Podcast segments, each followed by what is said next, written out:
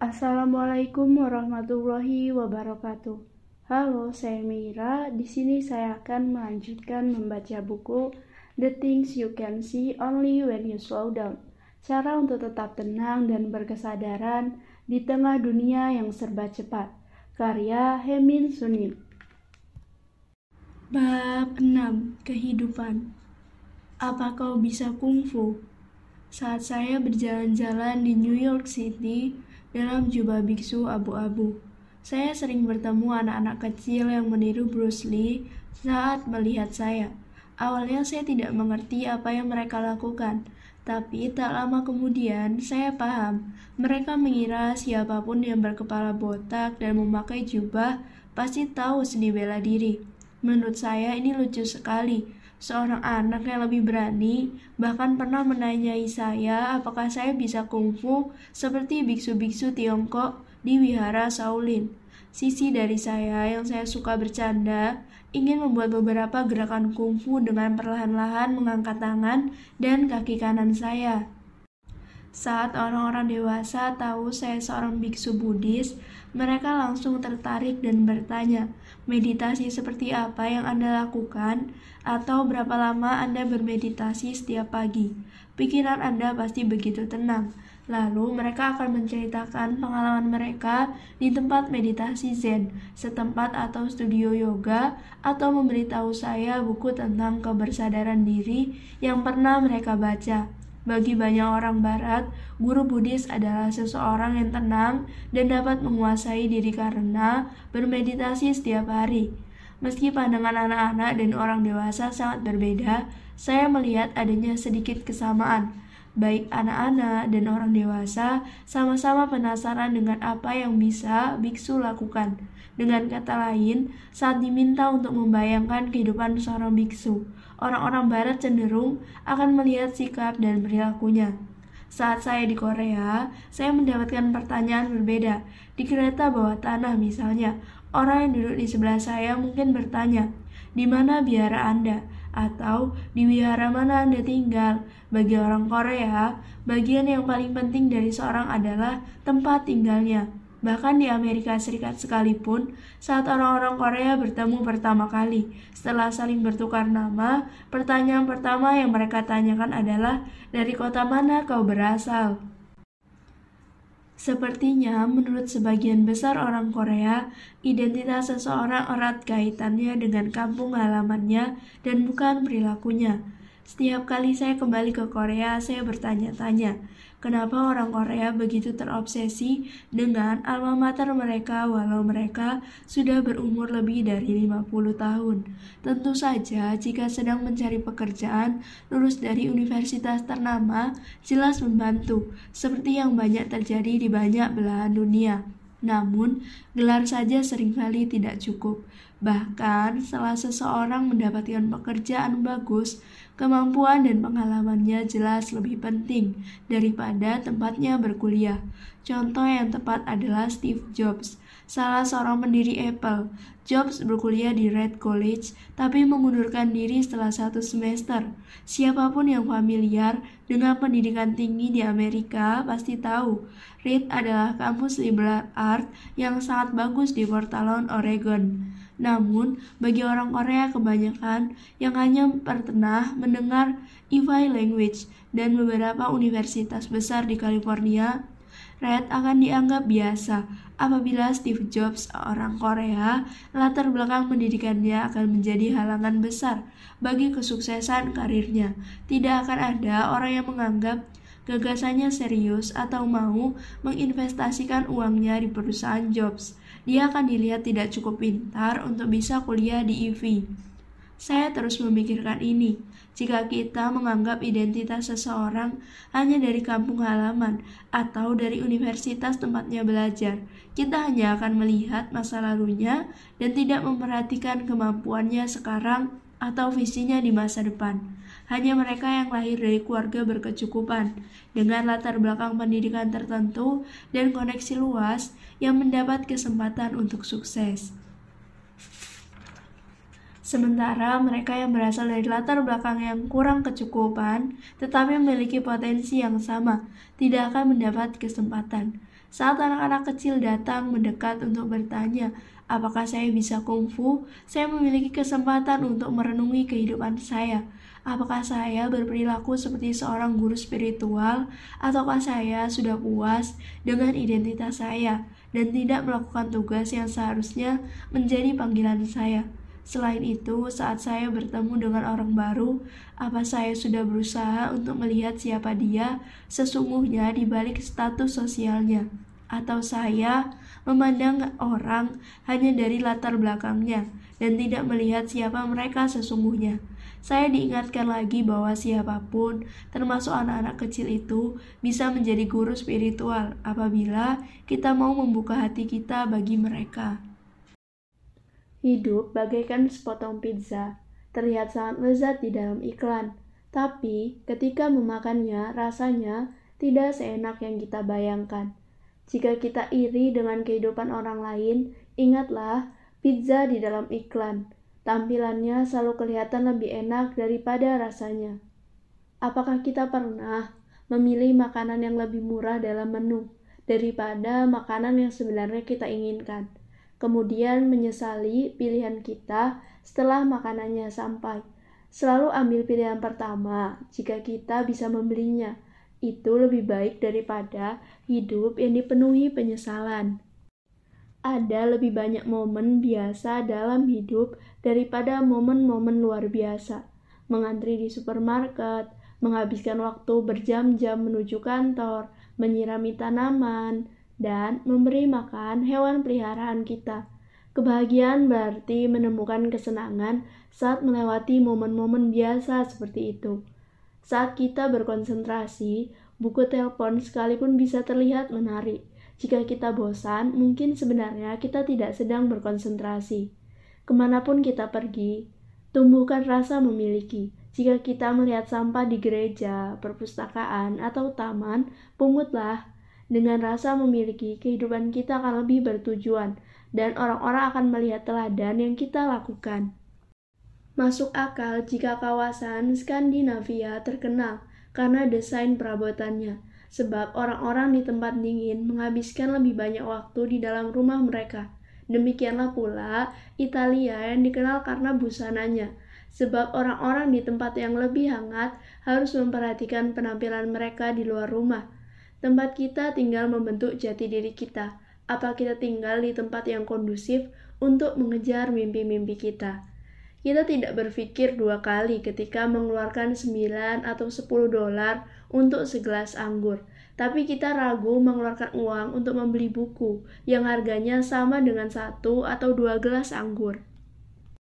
Sebenarnya tidak banyak orang bisa membedakan antara sebotol anggur seharga 15 dolar dan 50 dolar. Selisihnya adalah harga untuk gengsi kita.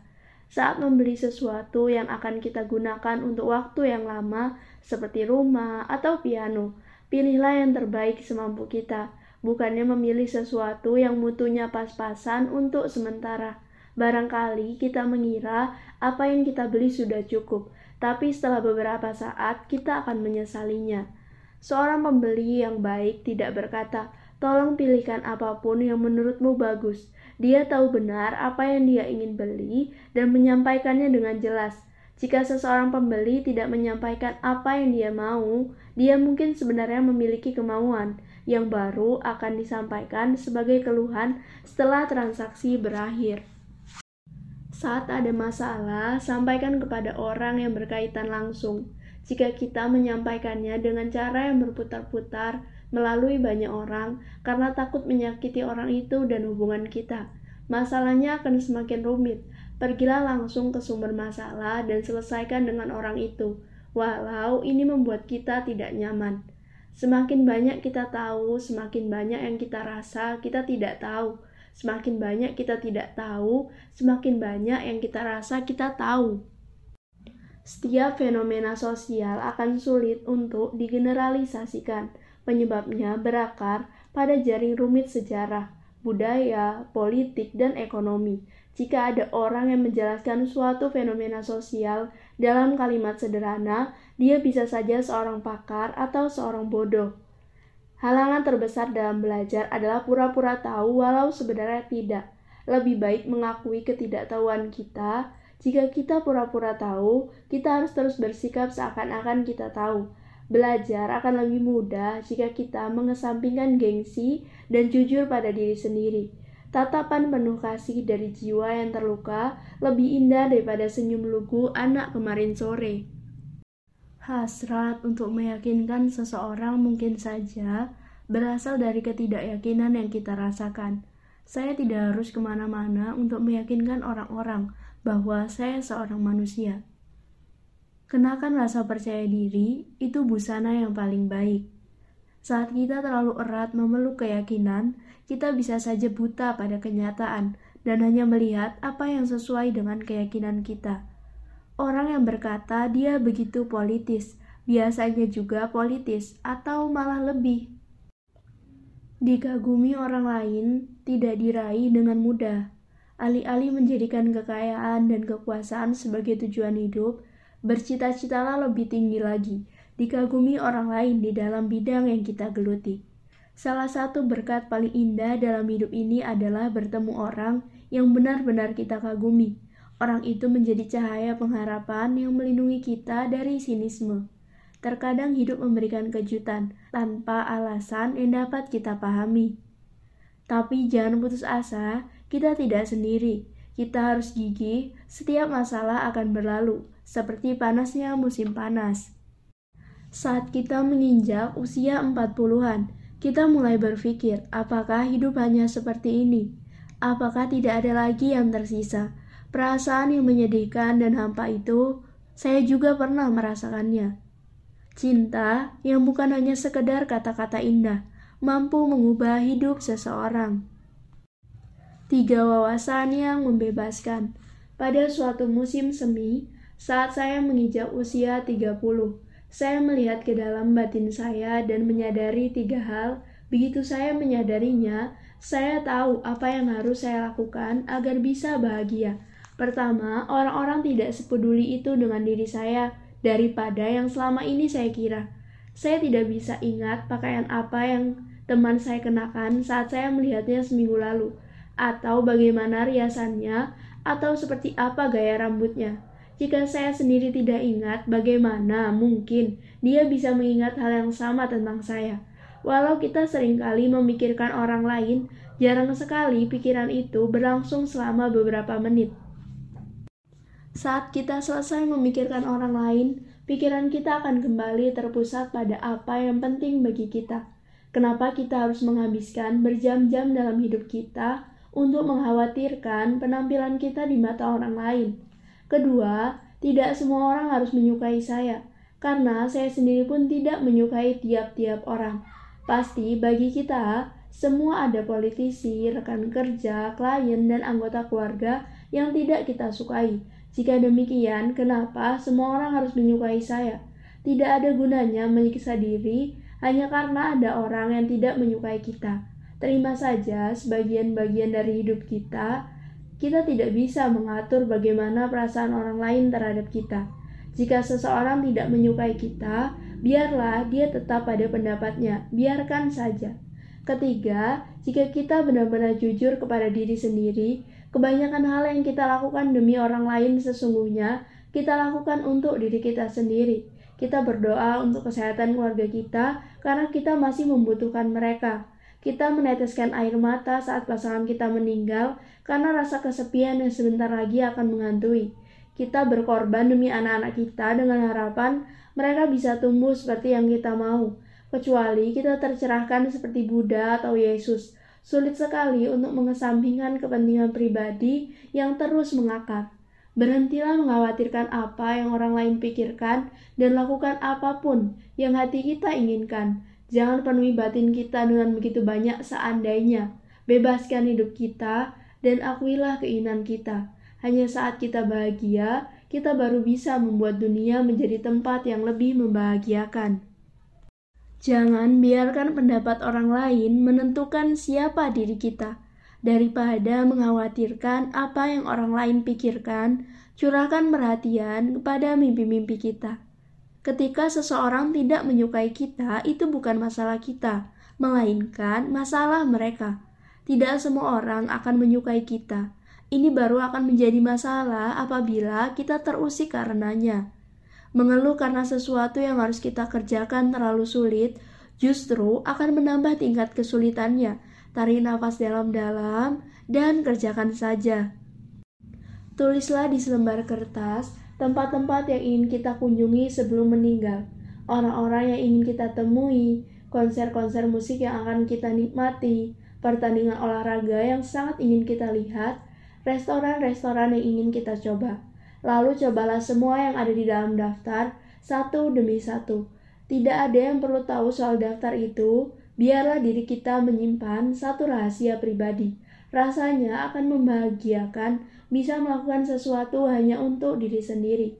Hidup bagaikan musik jazz, sebagian besar diimprovisasi, kita tidak bisa mengatur semua variabel. Kita harus tetap menjalaninya dengan semangat dan keyakinan. Tidak peduli apa pun yang kehidupan beri untuk kita, kita bisa menyayangi keluarga kita dan berdoa untuk kebahagiaan mereka. Kita bisa memberi saran dan membantu jika perlu, tapi kita tidak bisa mengambil keputusan untuk mereka, maupun membuat mereka bersikap seperti yang kita mau. Ada banyak hal yang tidak bisa kita kendalikan dalam hidup, termasuk orang-orang terdekat kita. Jika kita menguasai satu cabang olahraga dengan baik, kita akan lebih mudah mempelajari olahraga yang lain. Jika kita fasih berbicara dalam satu bahasa asing, kita akan lebih mudah belajar bahasa yang lain. Jika kita tahu cara menjalankan suatu usaha kecil, kita akan lebih mudah menjalankan usaha kedua atau ketiga. Jangan iri dengan orang-orang yang lihai dalam banyak hal. Pertama, belajarlah untuk melakukan satu hal dengan baik tak lama kita akan bisa melakukan dua atau tiga hal yang lain. Pohon besarlah yang akan pertama kali dipotong untuk diambil kayunya, sementara pohon yang kecil terus hidup. Begitu pula seorang ahli yang sejati akan menyembunyikan kemampuannya dan tidak pernah menggembor-gemborkan kehebatannya. Bercita-citalah yang tinggi, tapi mulailah dari hal yang kecil. Perubahan kecil bisa memberikan dampak yang besar dalam hidup kita. Misalnya, jika kita ingin menjadi lebih sehat, mulailah dengan pergi tidur setengah jam lebih awal.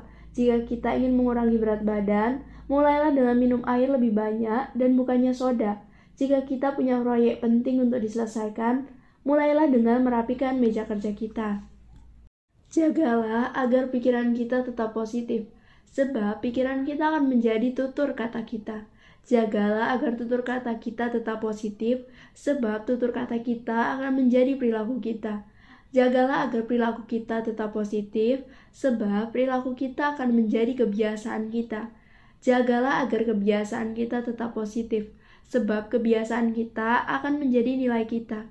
Jagalah agar nilai kita tetap positif, sebab nilai kita akan menjadi takdir kita. Mahatma Gandhi Pikiran kita tidak dapat menyimpan dua macam pikiran bersamaan. Ini berarti hanya ada satu pikiran yang bisa memenuhi pikiran kita, entah baik atau buruk. Semuanya berasal dari satu pemikiran. Jika kita hati-hati dengan pikiran itu, bahkan tragedi pun dapat dicegah. Kita lebih memilih mendengar kata-kata yang tepat daripada kata-kata yang salah. Kita lebih memilih mendengar kata-kata yang jujur daripada kata-kata yang tepat kita lebih memilih tindakan daripada mendengar kata-kata yang jujur. Bagaimana cara kita menyampaikan sering kali lebih penting daripada apa yang kita katakan, dan tindakan jauh lebih berharga daripada kata-kata. Pengetahuan ingin berkata, kebijaksanaan ingin mendengar. Orang bodoh berpikir, "Aku sudah tahu." Dia tidak mengizinkan pengetahuan baru masuk ke pikirannya. Orang bijak berpikir, Aku tidak tahu cerita utuhnya.